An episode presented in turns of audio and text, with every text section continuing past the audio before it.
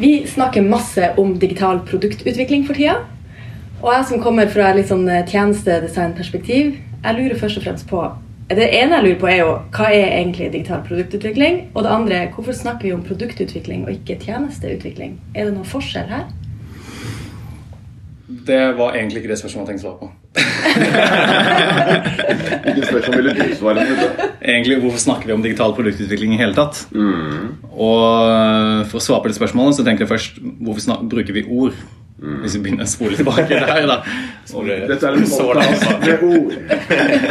Nei, men ok, La oss eh, holde litt sånn innenfor scope. Men grunnen til at vi bruker ord, er fordi jeg har en tanke eller en idé som jeg trenger å overføre til ditt hode. Og måten å gjøre det på, er å på en måte inkapsulere det i en eller annen sånn container, som det er ordet, som du hører, som du oversetter til en tanke som du har hos deg. da. Og den tanken blir noe lignende samme hos meg som deg, fordi vi bruker samme ord, og litt fordi at du kanskje har samme opplevelse og samme erfaring som jeg har. Og det ordet du snakker om her, er digital Produktutvikling. produktutvikling. Nettopp de tre ordene, eller måte to, men vi deler dem i tre. da. Så hvis vi begynner å snakke om ordet produkt først, så er tanken at grunnen til at vi bruker ordet produkt i stedet for prosjekt, som var gamle dager, er fordi jeg vil at du skal tenke på noe annet enn du tenker på når du sier prosjekt. Ikke sant? Når jeg sier prosjekt, så tenker du på gammeldags prosjekt. Men Måte å jeg vil på at du skal si tjeneste, for da Ja. tenker du på noe annet enn et fysisk produkt. Ja. Det er ikke så vanskelig å tenke tilbake på hva som skjedde. La oss bare spole litt i, i begrepene her. Da jeg begynte i denne sjappa, så hadde jeg jobben min for informasjonsarkitekt. Og Det var ingen som visste hva disse greiene var. Og jobben besto i stor grad av å lime på et eller annet selvbetjeningslag, fordi det var det nye store. Eh, Og på det tidspunktet så visste man ikke hvor man skulle gjøre av internett i sjappa. Så store virksomheter de gikk til reklamebyråene sine for å lage nettløsninger. Og så fikk du dotcom-bølgen med helt absurde verdisettelser og forslag om en helt ny måte å organisere verden på. Masse stort. Eh, Og de store virksomhetene, som fremdeles tjente penger på vanlig måte som før, de skjønte ikke stort av dette. Og det var ganske mange som var veldig fornøyd da dotcom-bølgen brast. Og hele det spekteret av tjenesteleverandører ble borte. Da kunne man bare gå tilbake til sånn det var før. Men noe av problemet var at det har kommet masse nytt i mellomtiden. Som var disse digitale tingene som lovet å bygge om på verden. Og da ville mange etter hvert ha prosjekter. Vi skal bli mer digitale. Men du skulle jo på ingen måte utfordre hva sjappa egentlig drev med. Man skulle bare lime på det. Og hos mange av kundene jeg har vært hos, så startet det med at internett det har vi hos markedsavdelingen. Eller kommunikasjonsavdelingen. Og så ble det en kasteball, og så ble det kanskje stabsavdelingen eller gruppe eller et eller annet høyt oppe i konsernet, fordi internett skulle jo alle drive med, men vi drev med prosjekter. Og jobben min da, etter at det var informasjonsarkitekt, ble interaksjonsdesigner. Og så kom det nye folk som syntes at UX-designer var det store. Og så etter hvert så kom det folk som mente at produktdesign, det var jo det vi drev med. For man jobbet jo på et produktteam. Og da er spørsmålet hvor kommer produktteam-ideen fra? Og min påstand er at da vi begynte med smidig utvikling, sånn ca. 2005 begynte vi med det i Beck, så var det sånn at du hadde et team som skulle løse noe greier, og så hadde du da et prosjekt som gikk en viss periode. Men etter hvert så ble det jo litt sånn at man kunne måle ganske effektivt hvordan ting funket, hvor fort vi fikk ting ut. Og da var det ofte sånn at problemet var ikke hva vi designet, det var hva vi faktisk gjorde eller solgte. Så den finansielle tjenesten vi løste, eller det tjenestetilbudet vi hadde innen Telekom, på et eller annet tidspunkt så har du lyst til at de tallene skal gå videre opp, og så butter det. Og så skjønner du at det er ikke selvbetjeningsløsningen vi har laget som er problemet, det er selve produktet. Og så begynner du å spørre hvorfor kan ikke vi gjøre noe med selve produktet? Og som man kaller det en tjenesteprodukt. Litt bob-bob, egentlig. Ja, der, der kom den, for det var det jeg lurte på. Er det, er det egentlig noen forskjell her? Jeg tenker ofte på en tjeneste som en kanskje litt større greie. At det, en tjeneste kan ha flere produkter i seg. Men at man, det er litt mer sånn kundereisetankegang. Ja, men det er veldig vanskelig å organisere det praktisk for et lite team som skal lage ting. Som har lyst til å fokusere på, på sine greier. Eh, på Ja, men det er ikke det det som er litt av poenget, da? At, Nei, at alle kan ikke bare fokusere på sin greie. Man må jo, noen må se helheten òg. Ja, Det er et veldig sånn, corporate syn. At man skal ha store virksomheter.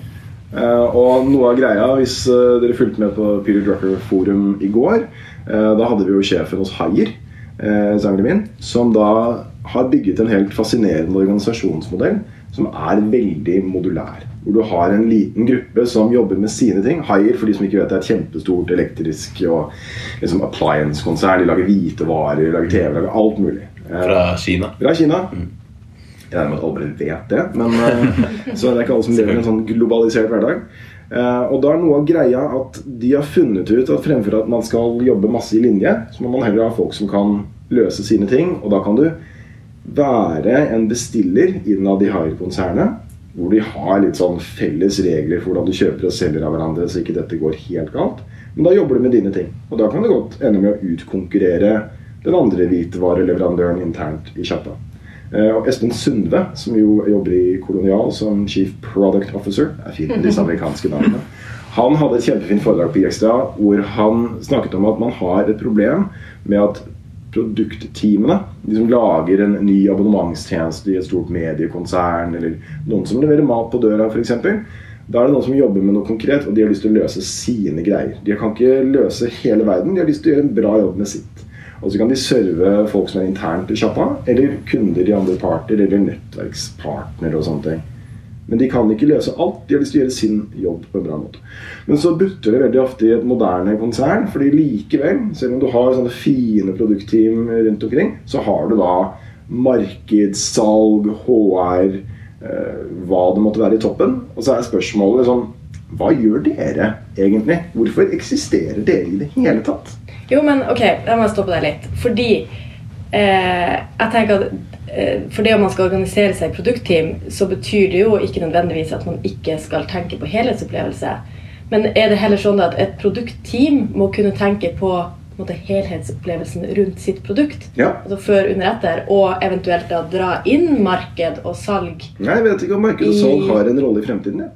Nei, men altså... ikke på den måten de er skrudd Nei, sammen men, nå. nei, ikke på den måten de er skrudd sammen nå, men kompetansen. Altså Hvis du tenker Ja, sånn alle trenger salgs- og markedskompetanse. Det er åpenbart. Ja, så du må ha den kompetansen da inn i teamet. Ja. Om det er at du løser opp markedsavdelinga og sprer dem Mhm. utover, eller om det er noen eh, en produktutvikler hvem det er.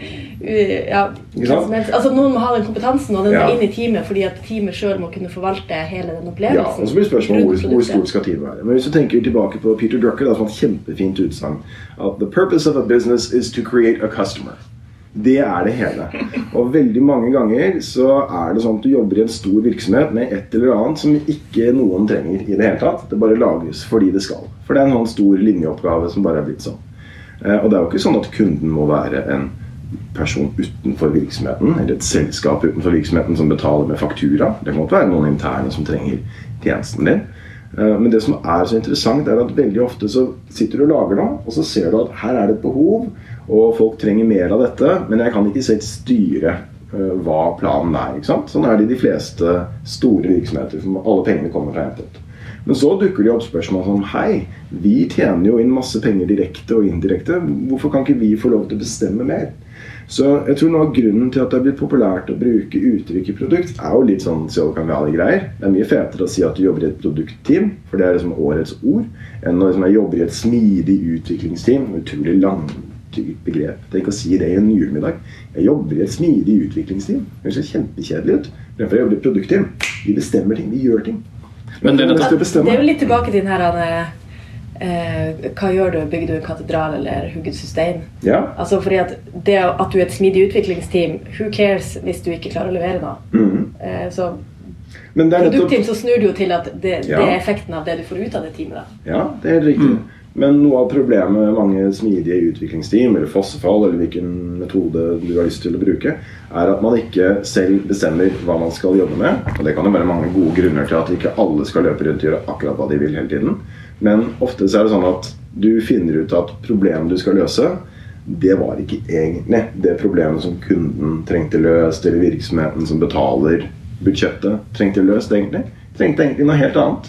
Og det å få den handlekraften tilbake inn i teamet, det er noe av det som er veldig motiverende. At du kan sitte ned og bestemme deg for dette skal vi få til.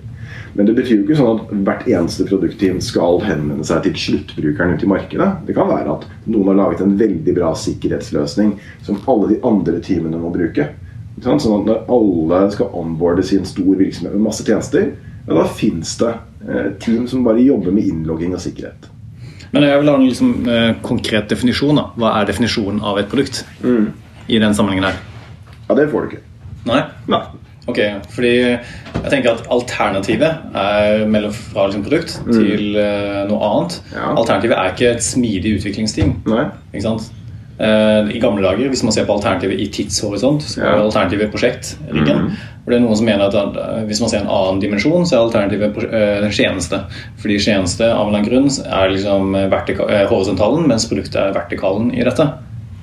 At Altså, produktet er liksom et digitalt touchpoint i en eh, tjeneste. Og så går det bare mye mye dypere ned den verdikjeden og liksom hvordan man gjør det, enn kanskje en tjeneste som vil da være eh, horisontalen på tvers da, av mange forskjellige kontaktpunkter. Ja. Og i den, den riggen du snakker om hos uh, f.eks. Haier, som har alle disse produktteamene, Mm. så vil jo de samarbeider om å lage en, Ja eh, en tjeneste hvis de leverer Ja, noen det- det eh, helt lager vaskemaskiner, noen eh? Så det er noen som lager vaskemaskiner. Eller Ja. kanskje de bare lager hengsler til vaskemaskiner og andre ting. Og de er utrolig gode på det. Og de må være flinke til å levere de delene. Så vi må ikke misforstå produkt i den forstand som dets naturlige forklaring. Altså en ting du kan holde i hånda. Det er jo typisk det vi mener med et produkt. Og Derfor bruker vi begrepet digital produkt ikke sant? Ja. i vår bransje. fordi det er I ikke vår noe vi kan bransje. Vi prøver å være litt mer begripelige, men folk snakker bare om product. Og så er det alt mulig rart det betyr eh, for folk. Men hvis vi tenker at dette er en måte å organisere arbeid på, så er det en mye smartere tilnærming. Fordi i en stor virksomhet så er det nødvendigvis enormt mange funksjoner som skal synkroniseres. Og etter hvert som konsernet blir større, så blir det mer synkronisering. Og alle som her som har jobbet i store virksomheter, vet hvor vanskelig det kan være å få gjort ting. Fordi alt skal synkroniseres opp mot en eller annen masterplan. Fremfor å ha noen overordnede prinsipper og løse det der. Og Derav kommer siste ordet inn, utvikling, som handler om at vi, det er en prosess. da. Det er en uh, aktivitet å gjøre. Det er ikke bare et digitalt produkt. Og en erkjennelse av at uh, prosess er ikke verktøy og liksom steg og skjemaer, men det er samhandling mellom mennesker. og Derfor snakker vi da om digital produktutvikling.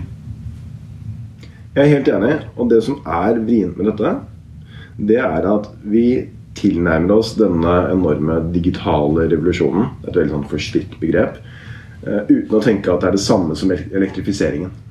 Altså Før så hadde du fabrikker med store hjul og transportbånd bare for kraft. Så fikk man inn strømmen, og da endret jo fabrikkene seg helt. Hele den ideen vi bygger virksomheter på nå, og produkter og tjenester, den blir helt annerledes. Men vi griper tak i liksom den minste delen, fordi den er lettest å ta armene rundt og gjøre noe med. Nemlig å lage slagkraftige produktteam som kan levere.